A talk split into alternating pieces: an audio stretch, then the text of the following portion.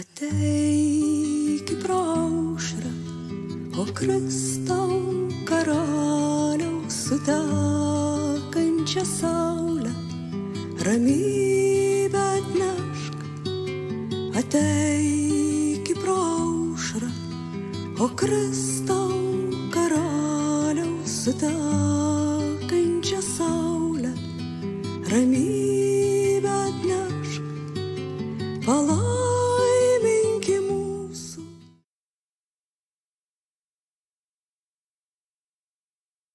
Sveiki, mėly mano bičiuliai.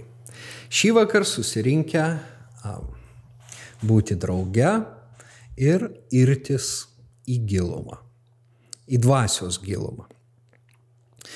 Iš tiesų, praeitą kartą transliacijos pabaigoje aš nesuspėjau atsakyti į visus klausimus, kurių susilaukiau. Tad šį kartą aš norėčiau pradėti būtent nuo vieno klausimo a, ir atsakyti į jį, nes tai ir įves mus į a, šio vakaro temą ir a, iš tiesų padės mums toliau gilintis ir stengtis suvokti trečiąją trejybės a, dalį asmenį šventąją dvasę. O klausimas buvo štai toks. Gal galite pakomentuoti šią rašto vietą, kas pikžodžiautų šventai dvasiai, tam niekada nebus atleista. Iš tiesų, tai viena iš tų vietų, nu, kuri visai nekelia op- optimizmo. Ir a, todėl me- mes a, perskaitę tai, a, na, galim sakyti, išsigastam arba suklūstam, na, čia net per švelniai būtų pasakyta. Kodėl? Todėl, kad tikime, jog Dievas atleidžia visas nuodėmes. Kad Dievas nori atleisti visas nuodėmes ir gali atleisti visas nuodėmes. O štai čia kalbama apie nuodėmę, kuri nebus atleista.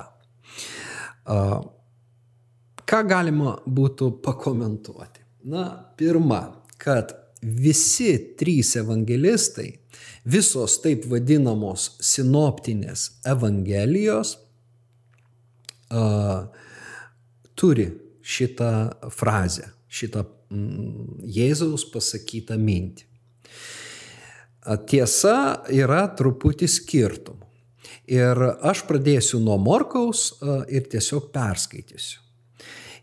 Iš tiesų sakau jums, bus dovanoti žmonių vaikams visi nusikaltimai ir pikžodžiavimai, kad ir kaip jie pikžodžiautų, bet jei kas pikžodžiautų šventajai dvasiai, tam amžiais nebus dovanota ir jis bus kaltas amžina nuodėme.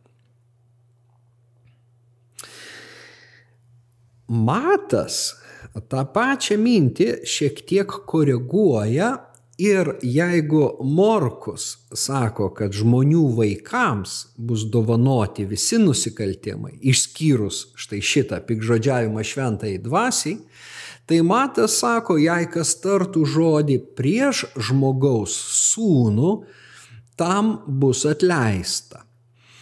O kas kalbėtų prieš šventąją dvasę, tam nebus atleista nei šiame, nei būsimajame gyvenime. Jaučiame niuansą, kad matas jau tarsi lygina du trejybės asmenys - Jėzų, Dievo sūnų ir um, šventąją dvasę ir sako, prieš vieną galima, bet prieš kitą nevalia. Morkus šito neturi. Nors labai įdomu, kad yra tie žmonių sūnus, bet ne žmogaus sūnus, ten apskritai žmonės. Na, žmogaus sūnus Mato Evangelijoje visgi tai yra mesijinė figūra ir mesijinis titulas. Ir tarsi yra palyginami šitie du. Trečias evangelistas Lukas šį posakį įdeda į visai kitą kontekstą. Taigi kokie yra kontekstai pas Morku ir Matą pirmą, o po to pas Luką. Morkus ir Matas aprašo, na, situaciją, kai Jėzus išvarė demoną. Ir, na, judaizmo lyderiai, fariziejai kalbėjo, kad jis išvarinėja demonus Belzebubo, tai yra velnio pagalba. Na ir į tai atsiliepdamas Jėzus ir sako, kad ar, ar gali pasidalinusi karalystė išstovėti, ar gali šetonas išvarinėti šetoną, ar nesugriūtų jo namai. E, ir tada vat, nuskamba šita mintis, kad toks kalbėjimas yra pikžodžiavimas prieš šventąją dvasę, kurios gale Jėzus ir išvarė tą demoną. O tai čia yra Mato ir Morkaus kontekstas. O Luko kontekstas yra tas, e, kalbama apie liudimą, e, Evangelijos liudimą, Jėzaus išpažinimą viešai ir išsiginimą, jo išsiginimą. Nes liudyti dažnai, ypač Na ir, ir mūsų dienomis, bet ypač pirmais amžiais, reiškia sumokėti pačią didžiausią kainą, paukoti į, į, į gyvenimą. Ir vat toje vietoje, tame kontekste staiga nu, nuskamba ta mintis, kad kas, na, pikžodžiautų šventai dvasiai, tam niekada nebus atleista. Egzegetai dabar mano, kad uh, į evangelistų, na ir į paties viešpaties lūpas šita mintis ateina greičiausiai iš pranašo Izaijo 63 skyriaus, kur kalbama apie tai, kaip Dievas išgelbėjo izraelitus, jais rūpinosi, atpirko juos ir skaitau, jis globojo juos ir nešė nuo amžių per visas dienas, o jie maištavo ir liūdino jo šventąją dvasę. Todėl jis tapo jiems priešų ir pats ėmė su jais kovoti. Tai va tas maištavimas ir liudimas ta prasme, liū, liūdinimas ir prieš šventąją dvasę ir greičiausiai gali formuoti na, tą uh, požiūrį, kurį Jėzus ir išsako, kad uh, jo neprieim, nepriėmimas kaip siūstojo Dievo mesijo.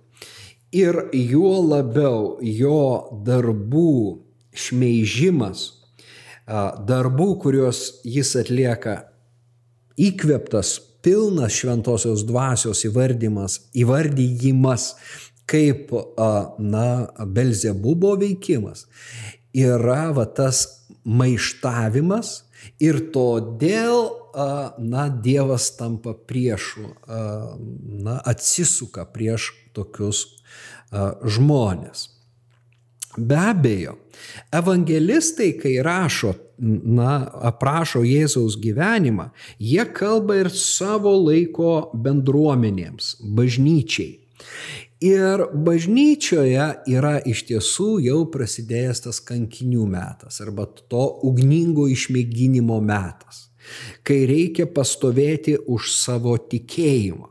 Na ir pavyzdžiui, laiškė hebrajams mes e, skaitome, labai panašią mintį, e, na, adresuojama žydams, kurie atsivertė į Kristų, bet po to nu, jau yra be grįžta atgal į judaizmą, autorius sako, kad kurie kartą jau buvo apšviesti, paragavo dangiškos dovanos, tapo šventosios dvasios dalininkais, paragavo gerojo Dievo žodžio bei ateinančio amžiaus jėgų ir atpuolė, tų nebeįmanoma vėl gražinti naujai atgailai, nes jie kryžiuoja savo Dievo sūnų ir išstato jį viešai uh, paniekai. Čia vėlgi mes matome kryžiuoja savo Dievo sūnų. Taigi tas išskirimas, na, mato žmogaus sūnaus ir šventosios dvasios, regis, na, gali mus ir suklaidinti. Nes iš tiesų pagal, na, va šį tekstą, tai Jėzaus Kristaus išsiginimas yra beveik tolygus, na, šventosios dvasios atsižadėjimui arba šventosios dvasios, na, tam pikžodžiavimui. Nes žiūrėkime, nebeįmanoma vėl sugražinti atgailai. Kad iš tiesų tai, e, na, tas kontekstas gali būti mm, tų persikiojimų ir kankinių patvirtina ir istoriniai šaltiniai. Pavyzdžiui, yra žinoma ištrauka 112 mūsų eros metais prokonsulas Plinijus rašo imperatoriui Trajanui. Tuo tarpu aš elgiausi taip su tais, kuriuos man jis kūsdavo kaip krikščionis. Aš tardžiau juos klausinėdamas, ar jie yra krikščionys. Kai jie sekdami mano pavyzdžių kreipėsi į dievus ir pagarbino tą atvaizdą, kurį aš įsakiau atnešti kartu su dievų statulomis, o smilkant ir aukojant išliejamąją vyno auką priešais atvaizdą prakeikė Kristų, kalbama, kad tikrų krikščionių neįmanoma priversti įvykdyti ne vieno iš šių veiksmų, aš nutariau juos paleisti. Visi jie pagarbino tavo imperatorių atvaizdą bei dievų statulas ir prakeikė Kristų. Na, labai e, ir liūdnas, ir intriguojantis tekstas, istorinis tekstas, patvirtinantis, na, tiek krikščionybės jau išplitimą Romos imperijoje pirmo amžiaus pradžioje, tiek ir prasidėjusius nuožmius persekiojimus. Ir kas vykdavo, mes matome, na, krikščionis buvo verčiami ne tik išsižadėti Kristos, bet jį prakeikti. Ir tie, kurie tai atlikdavo, juos paleisdavo. Tie, kurie to nepadarydavo, juos atiduodavo, na, egzekucijai vienos ar kitos rušies.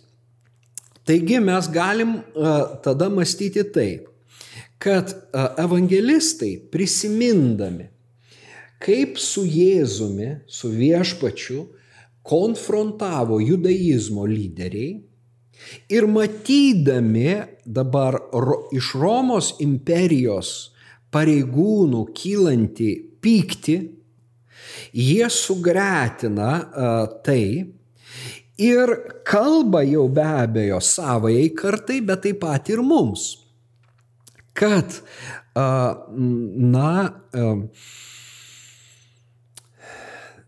drąsindami, įspėdami, bet ir drąsindami laikytis tikėjimo. Nepasiduoti išmėginimo vat tokio akivaizdoj ir neatsižadėti viešpatės. Aš manau, kad vat šita mintis yra ta pagrindinė, bet kadangi tas vat tekstas ateina taip kaip mes skaitėm, mes nelabai suprantam ir galvojam, na kaip čia dabar, prieš Jėzų aš galiu kalbėti, bet prieš šventąją dvasę aš negaliu kalbėti. Mm, ir tada, kuo skiriasi, na, Dievo sūnus nuo šventosios dvasios ir ar, ir ar yra tas tikrai toks skirtumas didelis. Bet, bet mes matome, kad pas Morku, pavyzdžiui, to išskirimo nėra, ar ne, yra tiesiog, reiškia, paminima šventoji dvasia. Ir pas Luką yra būtent kankinystės arba liudimo to nu, kontekste nuskamba vat ši frazė. Na, dabar apie mus e, galvojant, apie, apie šias dienas galvojant. Na, visų pirma, jūs užduodat šitą klausimą. Tai jau rodo, kad tikrai a, jūs nesat šventosios dvasios pikžodžiautojas ir niekaip tai negrėsia. Mes nepriklausom iš tiesų nei e, judaizmo vat, tam a, elitui, nei a, gyvenam vat, nu, bent šiuo metu tų didžiųjų persikiojimo laikais. Ir todėl išsigasti ir e, galvot, gal aš čia dabar pradėsiu pikžodžiauti, nereikėtų. Jau vien tas rūpestis arba išsigandimas iš tiesų jau yra liudimas, kad su mumis viskas gerai. Aš pamenu savo tikėjimo kelio pradžioje, aš Iš tiesų, skaitydamas Evangelijas labai a, bijojau tapti judu, pavyzdžiui. Na, nu, vienas iš dvylikos išdavė ir, ir kaip dabar man neišduoti viešpatės. Ir, ir tas labai, na, greuždavo širdį. Bet po to vienas mano bičiulis sako, žinai, Gedriau, aš taip bijau kad aš nebūčiau Judas ir neišduočiau Kristaus. Ir aš supratau, kad mes esame panašus, kad taip ir ne vien aš mastau, bet yra ir daugiau žmonių, kurie mm, tiki viešpačiu, labai myli Kristų ir labai bijo iš tiesų, na, mm, padaryti kažko, kas atskirtų nuo jo ir dar nedaug Dieve amžinai. Tai va ta jau pati baimė, mm, kažkas iš vyresnių, tada mus taip ir mokė. Jau vien šitas požiūris, šitas santykis e, e, liudija, kad tie žodžiai yra adresuoti ne jums. E, o, o, o jums yra adresuoti žodžiai nebijokite, ramybė jums. Va, va kokie žodžiai. Bet uh, Kita vertus, mes matome, kad būna tos situacijos tiek bažnyčios istorijos periode, tiek ir mūsų gyvenime, kai na, mes turime pasverti savo santyki su Dievu. Ir jeigu reikia būti pasiryžę sumokėti vienokią ar kitokią kainą. O tokie klausimai, kaip pavyzdžiui, na, Ar aš neliūdinu šventosios dvasios? Iš Izaijo mes skaitėm, kad izraelitai liūdino šventąją dvasią. Praeitą kartą aš paminėjau, kad apaštalas Paulius sako, negesinkite dvasios, neliūdinkite dvasios, kad ją galim ir nuliūdinti, ir užgesinti. Bet, bet aišku, tai jokių būdų nebus ta nuodėmė, kuri nėra atleidžiama, Bet mūsų santykiai su Dievu negilės, nesikeis. Va kur yra problema. O aišku, dar sugrįžtant prie to, sakykime, atsižadėjimo ir išsižadėjimo e, Jėzaus kaip savo gelbėtojo, kaip viešpatės, kaip išganytojo, ką, pa, ką padaro? Na, pakerta atleidimo pamatą. Nes mūsų nuodėmės yra atleidžiamos tik dėl jo pralieto kraujo. Tik tai jo atperkančios aukos dėka. Ir tą tiesą apreiškia ir tą apvalančią galę suteikia šventoji dvasia. Ir jeigu mes kerpame, vat, na, tai, sustoja gyvenimas, nebeįmanoma gauti to atleidimo. Štai kokia mintis. Iš tiesų, bet mūsų gyvenime, na, sakykime, tikinčiųjų gyvenime, tos švelnesnės dvasios arba Dievo atstumimo formos, ignoravimo, užkėtėjimo, užsidarimo tikrai galimos. Ir, na, todėl va šitas, na, rūpestis, kaip mums nenusidėti tokiu būdu, bet priešingai, kaip mums vystyti bendrystę su Dievu ir su trečiuoju asmeniu, šventąją dvasę yra labai vietoj, labai svarbios. Na, iš tiesų mes ir stengiamės tai daryti ir vienas kitą raginam ir aiškinamės, vad būtent to gyvenimo su šventaja dvasia, laukdami sėkminių įvairius aspektus. Šį vakarą aš norėčiau pakalbėti apie vieną labai svarbų ir išplaukiantį būtent iš na, svarstomo dalyko gyvenimo su šventaja dvasia aspektą. Tai yra dvasinį mąstymą ir kritišką mąstymą arba kritinį mąstymą. Ir aš paaiškinsiu, ką aš turiu omeny. Bet uh, iš karto pasakysiu, kad, uh, na, vat to, tokia kategorija kaip dvasios mąstymas arba dvasinis mąstymas išplaukia iš apaštalo Pauliaus uh, laiškų. Na, o kritinis mąstymas yra jau šilaikinis terminas, bet aš juos sujungiu na, į vieną ir, na, man rūpi štai toks klausimas. Ar dvasinis mąstymas tai yra mąstymas, kuris vad būtent negesina šventosios dvasios, bet atsižvelgia į šventosios dvasios patarimus, vedimą, nuolankios širdies santykyje į Dievą kylančios mintis ir formuojančios tą dvasinį mąstymą, kaip mes pavadinam kiek yra konflikte su tuo, ką, na, akademikai vadina kritiniu mąstymu. Kiek vyksta konfliktas tarp vat, šitų dviejų mąstymo formų. Nes labai dažnai m, tiek iš vienos, tiek iš kitos pusės tas konfliktas paaštrinamas ir kartais susidaro vaizdas, kad tai yra nesuderinami poliai, tai yra du antipodai ir vienas eliminuoja kitą. Ar iš tiesų taip yra? Bet pabandykime, žiūrėdami į Dievo žodį, šį vakar ir pasiaiškinti. Taigi, tos dvi pozicijos būtų apibūdinamos taip. Pirma, kritinis mąstymas kaip dvasinio mąstymo priešybė. Ir antra, kritinis mąstymas kaip dvasinio mąstymo dalis.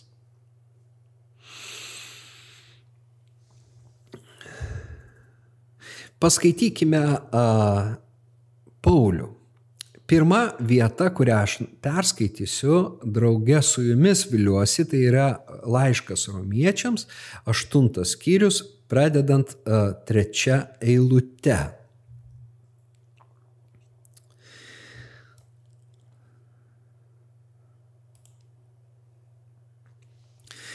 Kas įstatymui buvo neįmanoma dėl kūno silpnumo, tai padarė Dievas, pasiūsdamas savo sūnų kūne, panašiame į nuodėmingai. Ir nuodėmė įveikti pasmerkė nuodėmę kūne, įdant įstatymo nuostatai išsipildytų mumyse, gyvenančiose ne pagal kūną, bet pagal dvasį. Na, Pauliaus uh, teologijoje įstatymo reikalavimus išpildo tie, kurie gyvena pagal dvasį. Čia, čia jo yra ta vat, terminologija - gyvenimas pagal kūną ir gyvenimas pagal dvasį. Dabar įstatymas, senoji sandoro su visais savo reikalavimais, įmanoma išpildyti tik tai tiems, kurie gyvena pagal dvasį. Nes Izraelis įrodė, kad be dvasios jų išpildyti neįmanoma. Štai jis nuo vat, šito atsvaros taško laiškė romiečiams 8 skyriuje ir pradeda plėtoti savo mintį. Bet tada iš karto ateinama iki mąstymo. Klausykite. Gyvenantis pagal kūną masto tai, kas kūno, o gyvenantis pagal dvasę tai, kas dvasios. Dabartinis, dabartinė redakcija, na, Aliulio redakcija sako, kad reiškia, gyvenantis pagal kūną rūpinasi to, kas kūno. Nors graikiškas žodis labai aiškiai, na, kalba apie mąstymą. Tas rūpestis yra visgi, na, nelabai ne vykęs pasirinkimas, sakyčiau. Todėl kur kas artimesnis originaliam tekstui yra šitas vat, mąstymo. Nes, reiškia, kaip mes mąstome, taip mes gyvename ir mūsų elgesį suponuoja mūsų vidinis mąstymas. Ir todėl, e, jeigu mes mąstome vienu būdu, mes vienaip na, ir gyvename. Jeigu mes pradedam kitaip mąstyti, Ir tas kitaip mąstyti, pasak Pauliaus, tai yra atsižvelgti į dvasios kalbą. Va, tas kitas mąstymas, dvasios mąstymas ateina, kai mes pradedam kreipti dėmesį į tai, ką byloja šventoji dvasia. Tada tai paveikia ir mūsų gyvenimą ir keičiasi mūsų gyvenimas. Taigi, žiūrėkime, kad kur čia mes sustojame. Kūno mintis neša mirtį, o dvasios mintis gyvenimą ir ramybę. Mat kūno mintis priešiškos Dievui, nes nepaklūsta Dievo įstatymui, ar negali paklusti. Gyvenantis kūnu negali patikti Dievui. Bet jūs gyvenate ne kūno dvasia, jei Dievo dvasia tikrai gyvena jumyse. O kas Kristaus dvasios neturi, tas nėra uh, jo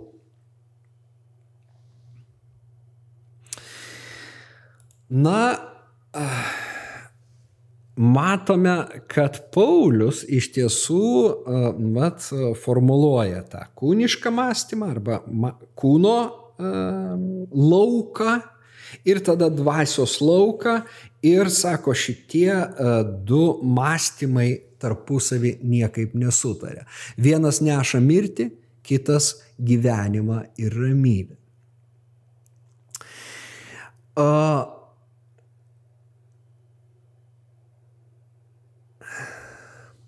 galim pasakyti, kad aišku, Paulius turi omeny savo aplinką ir jis, jis turi omeny e, žydus, vat vėlgi e, judaistinį e, tą vat kontekstą.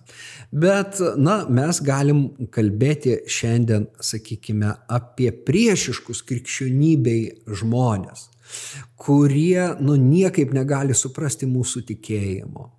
E, na, kaip tik, vat, e, sudalyvavęs e, laidoje apie Kristaus prisikėlimą, ar tai mitas, ar tai istorinis faktas, ar tai na, iš tiesų buvo, ar Jėzus gyveno kaip istorinė asmenybė, ar tai yra tik tai tikėjimo Kristus ir dalis mūsų na, krikščioniško, krikščionių religijos, krikščioniško tikėjimo. Gal ten buvo visai kitaip, toj laidoj sudalyvavęs aš susilaukiau ne vieno iš tiesų atsako, pasiteiravimo, laiško, noro tęsti diskusiją. Ir tai, kas mane nustebino, kad dažnai už to stovi toksai, na, nirtulys, toks negebėjimas kažkaip tai, na, sakykime, be, be pykčio, be žeminimo be tokio vat, žeminimo kalbėti, bet iš karto tu susilauki, kaip tikintysis atseit, tu esi paikas, nematai klaidų, prieštaravimų šventajame rašte ir taip toliau. Bet aš kaip tikintysis visų pirma su kuo na, susiduriu skaitydamas tuos klausimus Ne, ne tai, kad nėra atsakymų į tuos klausimus, bet kad tas uh, asmuo, uh, na vėl aš nenoriu nei vieno kaip ir įžeisti, bet tas asmuo, na, stokoja to santykio, kuris jam padėtų gauti atsakymus į užduodamus klausimus. Neužtenka užduoti klausimą, reikia būti pasiruošusiam priimti atsakymą. Norint priimti atsakymą, reik, reikalingas tas, na, mes krikščionys sakom, nuolankumas. Arba, na, akademiškai galima būtų sakyti, nešališkumas. Aš turiu savo nuomonę, bet aš kiek galim nuo jos bandau atsiriboti ir išklausyti kitą. Reiškia, ne jį mušt per galvą ir klijuoti jam etiketės, pejoratyvinės tas jau žeminančias, bet, na, įsiklausyti, suprasti. Čia būtų daugiau tas akademinis, na, požiūris. Tik tada aš galiu, na, įeiti į tą a, dialogą ir, na, galbūt pasakyti tam žmogui, ką noriu ir galbūt išgirsti, a, ko nežinau. Tai vad, tai čia apaštalas Paulius e, visada įvardins, kad, pavyzdžiui, tokių žmonių protas aptemęs, čia jau laiškas efeziečiams, jie atskirti nuo Dievo gyvenimo dėl savo neišmanimo bei širdies užkėtėjimo. Tai vad, mes matome dabar kokį dalyką, kad protas kaip toks yra Dievo, na, duotas instrumentas. Mes tuoj apie tai dar pašnekėsime. Bet tas protas yra aptemęs.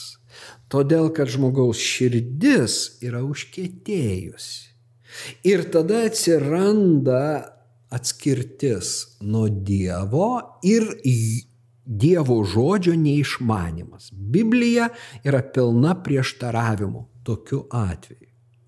Bet jei širdis grežiasi į Dievą, jeigu tai yra ta ieškanti tiesos širdis, žiūrėk tada sušvinta ta šviesa, kurią, kuri persmelkia protą ir ne tik širdį, širdį ir protą.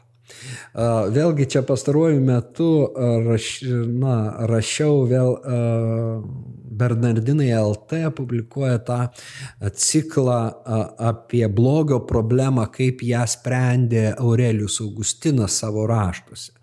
Ir viena iš na, Wikipedijos iliustracijų pasitelkta tame straipsnėje yra Augustinas pavaizduotas, kuris laiko širdį liepsnojančią, ten kažkur regis angelas reiškia, ir ta širdis liepsnoja, bet taip pat ir, ir galva jo yra apšviesta.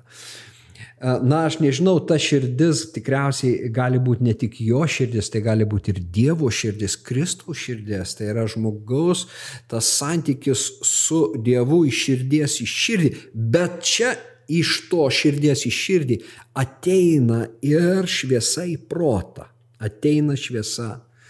Ir tada tas pats na, mąstymas tampa galingų instrumentų. Štai taip aš galvoju, todėl man primtinesnė yra ta antroji pozicija, kuri sako, kad kritinis mąstymas yra dalis dvasinio mąstymo su sąlyga, kad širdis yra palenkta Dievui, širdis yra atvira Kristui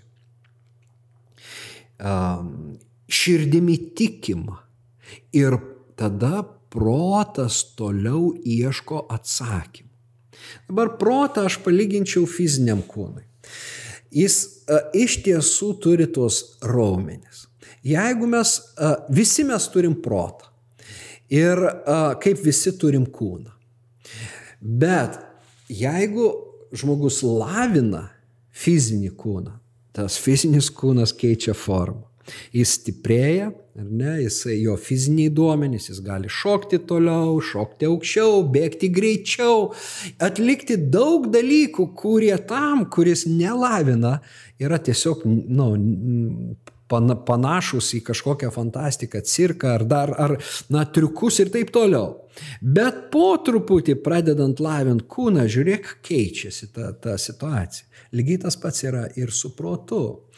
Jeigu mes jo nelavinam, na, mažai skaitom, reflektuojam mažai, ne, ne, nekeliam tų sudėtingų klausimų, ta, protas yra neišlavintas, jis silpnas. Ir va čia aš matau didelę problemą. Didelę problemą, kadangi krikščionis kažkokiu būdu yra patikėję, kad apskritai protavimas ir va tas kritinis mąstymas, nors supraskim, kad tai tiesiog sąlyginis apibūdinimas, galim sakyti tiesiog žmogiškas mąstymas, kuris yra būtinai na, logiškas, o ne iracionalus, nelogiškas, padrikas ir taip toliau, nėra Dievo priešas. Nėra gyvenimo su dvasia gesintojas. Na, aš, aš esu pasiryžęs ginti savo vat, tezę, savo poziciją, kad yra būtent taip. Ir priešingai, kad, na, vėlgi, mes esame skirtingi ir kiekvienas turi skirtingą dovaną. Tarkim, na, apaštalas Paulius kalba, aš minėjau, apie išminties ir pažinimo žodį, bet kitame laiške jisai kalba apie gailestingumo darbus. Ir kaip skirtingas dovanas. Ir žiūrėk, vienam žmogui galbūt teologinės gelmes yra sunku, na, pačiam išsiaiškinti, bet jam bus labai gera daryti tuos, na, gailestingumo darbus, karitatyvinę veiklą užsijimti. O kitam, žiūrėk, tai be galo sunku, nes yra skirtingos dovanos ir skirtingi malonės saikai.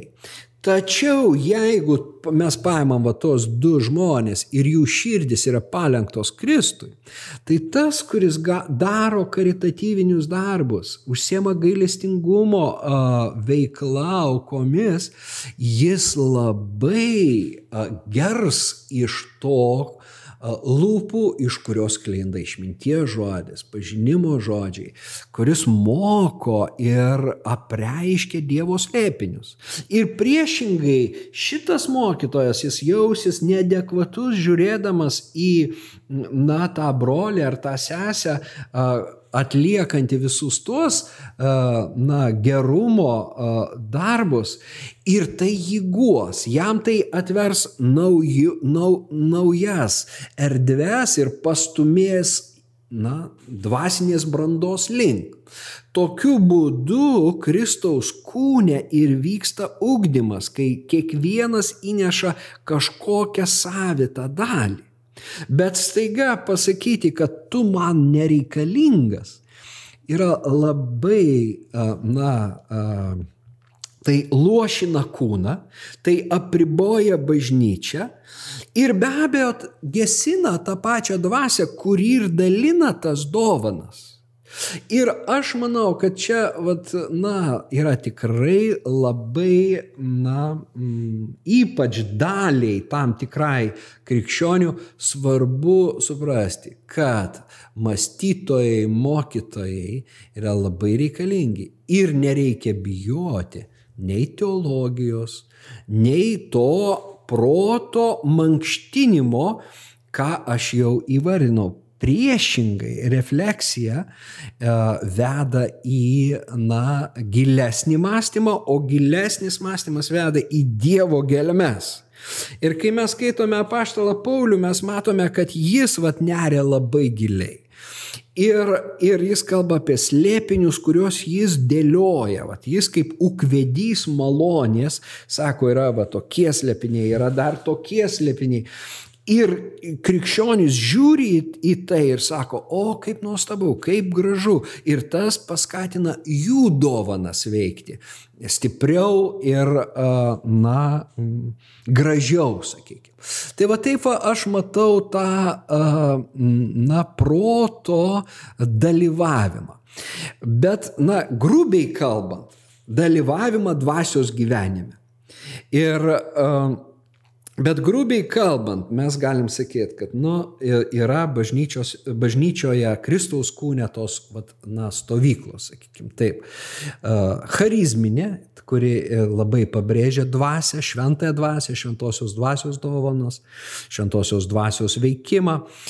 Ir tada paimkime, na, kitą kaip priešybę, Tai net nežinau, kokį pavadinimą parinkti, nes šiuo atveju mes kalbam ne apie skirtingas konfesijas, O kalbam apie skirtingas stovyklas, esančias praktiškai kiekvienoje konfesijoje, bet kurioje krikščioniškoje konfesijoje ir ne tik, ne, ir ne, ne tik krikščioniškoje.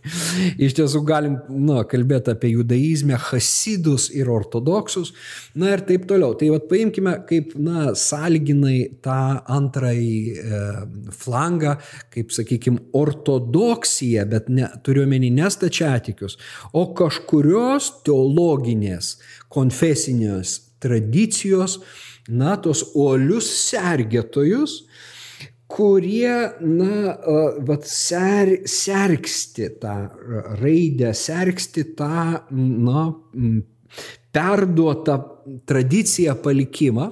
Ir tada mes turime tos, va, tą charizminę, sakykime, laisvę, kuri sako, na, mums reikalingas Dievas, nežiūrint to, ką mes turim. Ir labai dažnai tai yra dvi priešingos stovyklos. Ir kokia išeitis? O išeitis mano galva yra to, tokia, kad charizminiai pusiai yra labai svarbu atsiverti, na, ir mokytis mąstyti.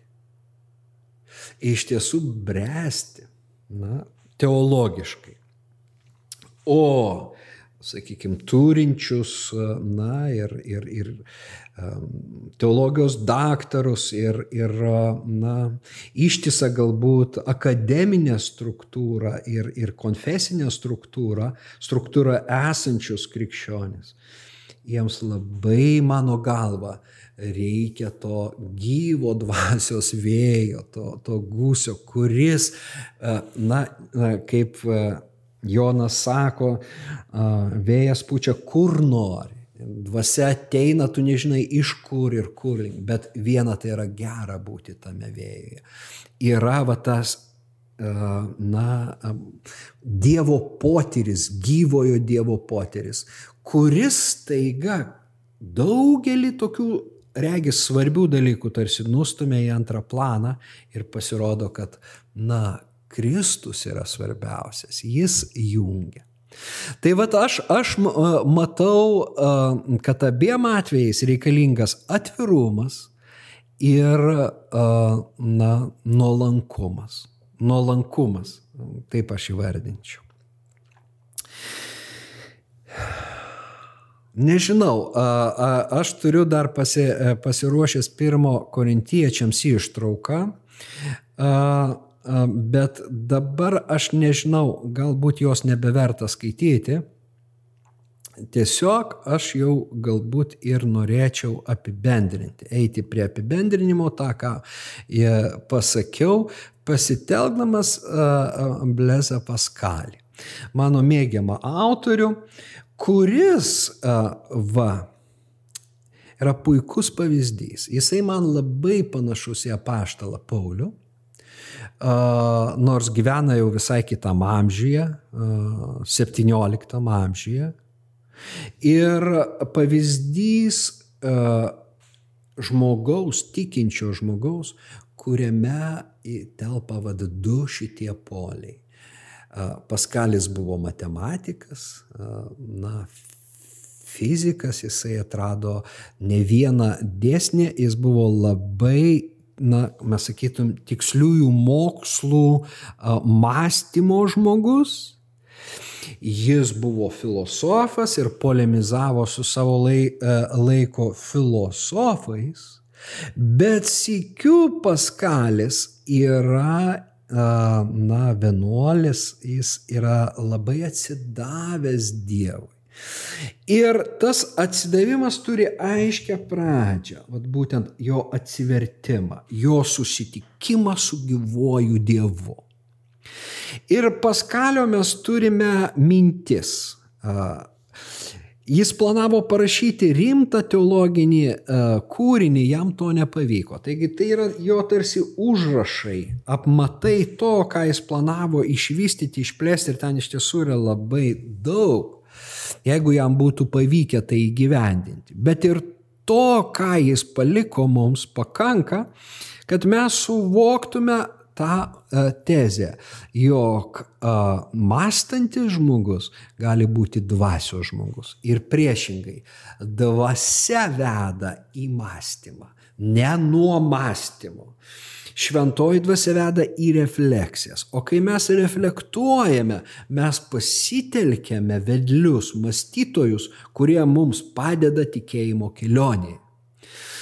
Tai vad Paskalija tai telpa abu du šitie poliai. Na, pradėkim nuo jo atsivertimo, kuris a, iš tiesų yra prašytas knygos pradžioje, tai buvo raštelis užsiūtas į jo a, abitą, regis, ar į lemenę, aš dabar jau ne, nepamenu, bet iš tiesų tik po jo mirties atrastas. Tai ten buvo užrašytas jo tas susitikimas su Dievu ir tik viena, ne, ne visa ten citata, jisai sako, ugnis. Abromo Dievas, Izaoko Dievas ir Jokūbo Dievas. Ne filosofų ir išminčių. Tikrumas, tikrumas, nuojauta, džiaugsmas, ramybė. Jėzaus Kristaus Dievas. Štai koks susitikimas. Ir čia tarsi mes matome, kad Paskalis kaip filosofas, kaip mąstytojas, jisai supranta, kad, na, hebrajai, Abromas, Izokas ir Jokūbas, na, buvo kas? Piemenys gyveno palapinėse. Tai nebuvo tie graikų mąstytojai. Ja, tai visai kitokio sukirpimo žmonės, bet Dievas juos pasirenka. Ir šitas Dievas dabar ateina pas mokslininką Paskalį. Ir, ir, ir ką, ką jis išgyvena? Džiaugsmą, ramybę ir tikrumą. Jėzaus Kristaus Dievas. Bet šitas susitikimas rodo, kad Paskalis yra, na, patyręs dvasę, išgyvenęs dvasę, na, vieni sakytų, gimęs iš dvasios, pasitelkiant Jono uh, terminologiją, iš Evangelijos pagal Joną, atgimti iš vandens ir dvasios. Turime, tai vat, tai yra toks uh, žmogus, istorinis uh, uh, žmogus, bet uh, sikiu jisai toliau apmasto tą savo tikėjimą. Ir žiūrėkime, kaip gražiai, na, jisai svarsto.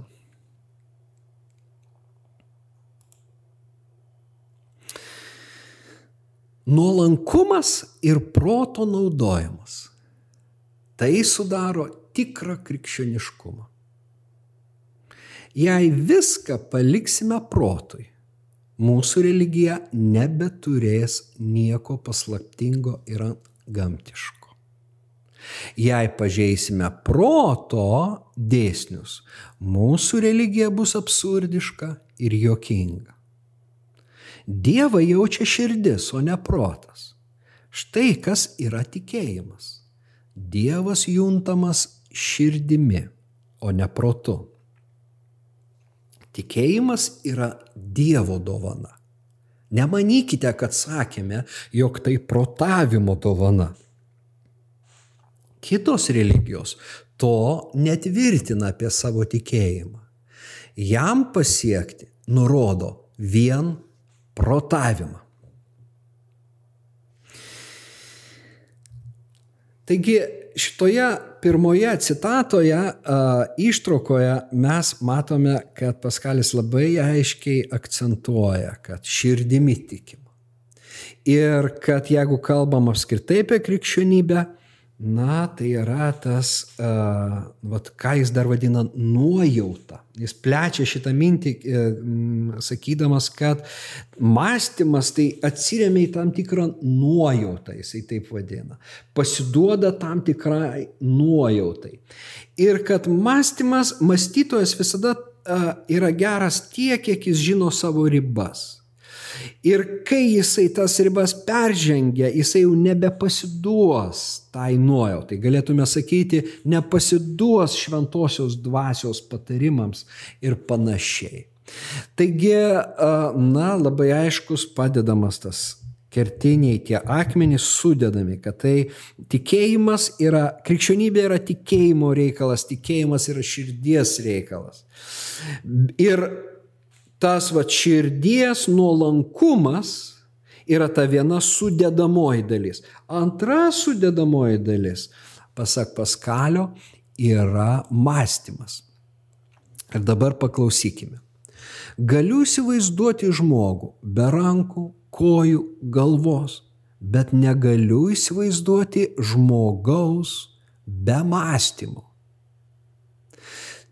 Tai būtų akmuo arba gyvulys, ne žmogus. Mąstymas sudaro žmogaus didybę. Žmogus tai yra neandrė, silpniausia neandrė. Tačiau tai mąstanti neandrė. Ne erdvėje turiu ieškoti savo didybės, bet savo mąstymo plotmėje. Neturėsiu daugiau valdydamas žemės. Visata mane apriepia erdvę ir praryja kaip tašką. O aš ją apriepiu mąstymu. Tad visą mūsų kilnumą sudaro mąstymas. Juo turime save kelti. Nerdvę ir laiko tiekme, kurių negalime pripildyti. Tad stenkimės tinkamai mąstyti. Tai dorovės principas. Na, man labai gražios šitos mintis. Ir čia jau mes turime tą antrąją pusę. Ar ne? Kad uh, ta, aš papildyčiau paskalį, sakyčiau, ne tik tai žmogaus didybė yra mąstymas, bet krikščionio branda ateina su tuo deramu mąstymu, teisingu mąstymu. Na, kažkas pasakys, Gedriau, taip, bet tą mąstymą formuoja šventasis raštas. Be abejo, tai pagal nutilėjimą, kad mūsų tikėjimo, na, visi šaltiniai ateina iš šventojo rašto. Bet ir šventąjį raštą suvokti mes galim tik tai su šventaja dvasia, mąstydami ir reflektuodami, apmastydami, diskutuodami, na, keldami klausimus, gilindamiesi į atskiras šventojo rašto dalis. Taigi, Kristaus kūnas bręsta mąstydamas. Ir, na, mąstymas neprieštarauja šventai dvasiai. Arba, sakykim taip, šventosios dvasios patarimai, šventosios dvasios apreiškimai labai reikalingi a, mums. O kritinis mąstymas padeda atsirinkti. Nes žiūrėkime, tas vidinis gyvenimas, a, na, yra ir mano mąstymo erdvė. Ir tame mano mąstyme, vėlgi pasitelkiant Paulių, yra tų net naujintų, tamsių vietų. Ir kartais mąstydamas iš tos tamsios vietos aš galiu galvoti, kad tai Dievo mintys. Ir dažnai būna žmogus sako, man šventoji dvasia pasakė.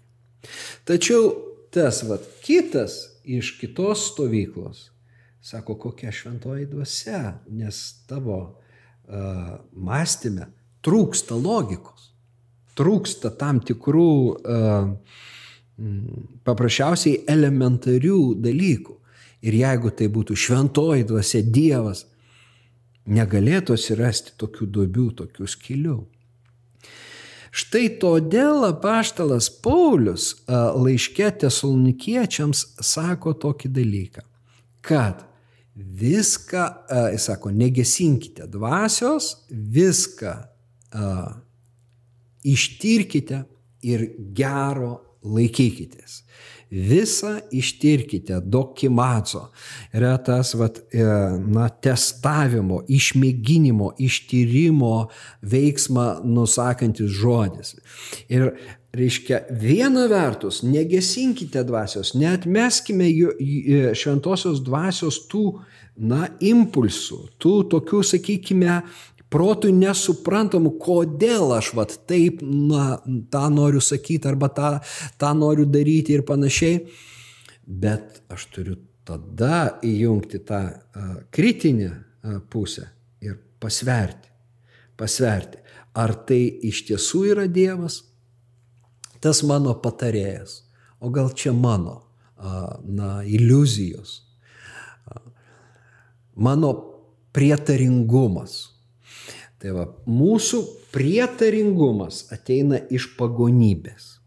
Ir dažnai tą prietaringumą mes sumaišome su šventaja, su šventosios dvasios veikimu.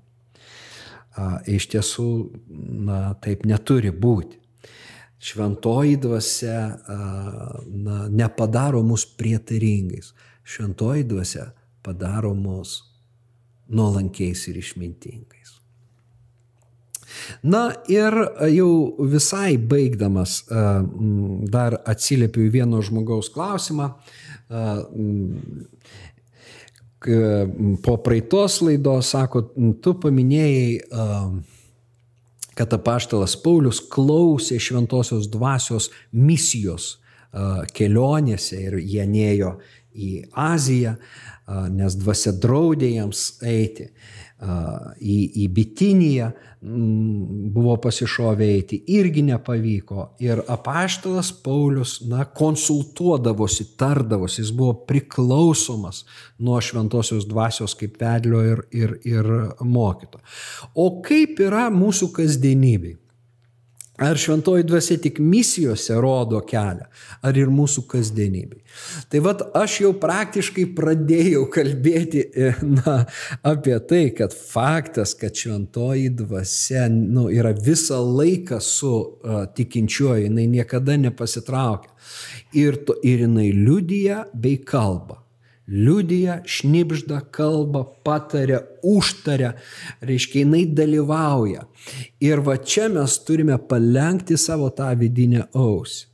Ir tada ir kasdienybėje mes išgirstame, na, dvasios patarimus, nes Dievas, na, veda mus, ar ne, jis veda, jis yra mūsų vedlys. Ir, na, dažnai jo pasirinkimai nesuvokiami. Ir, na, aš prisimenu, vėlgi, įtikėjimo, buvau jaunas krikščionis, bet jau pradėjau skaityti teologinės knygas.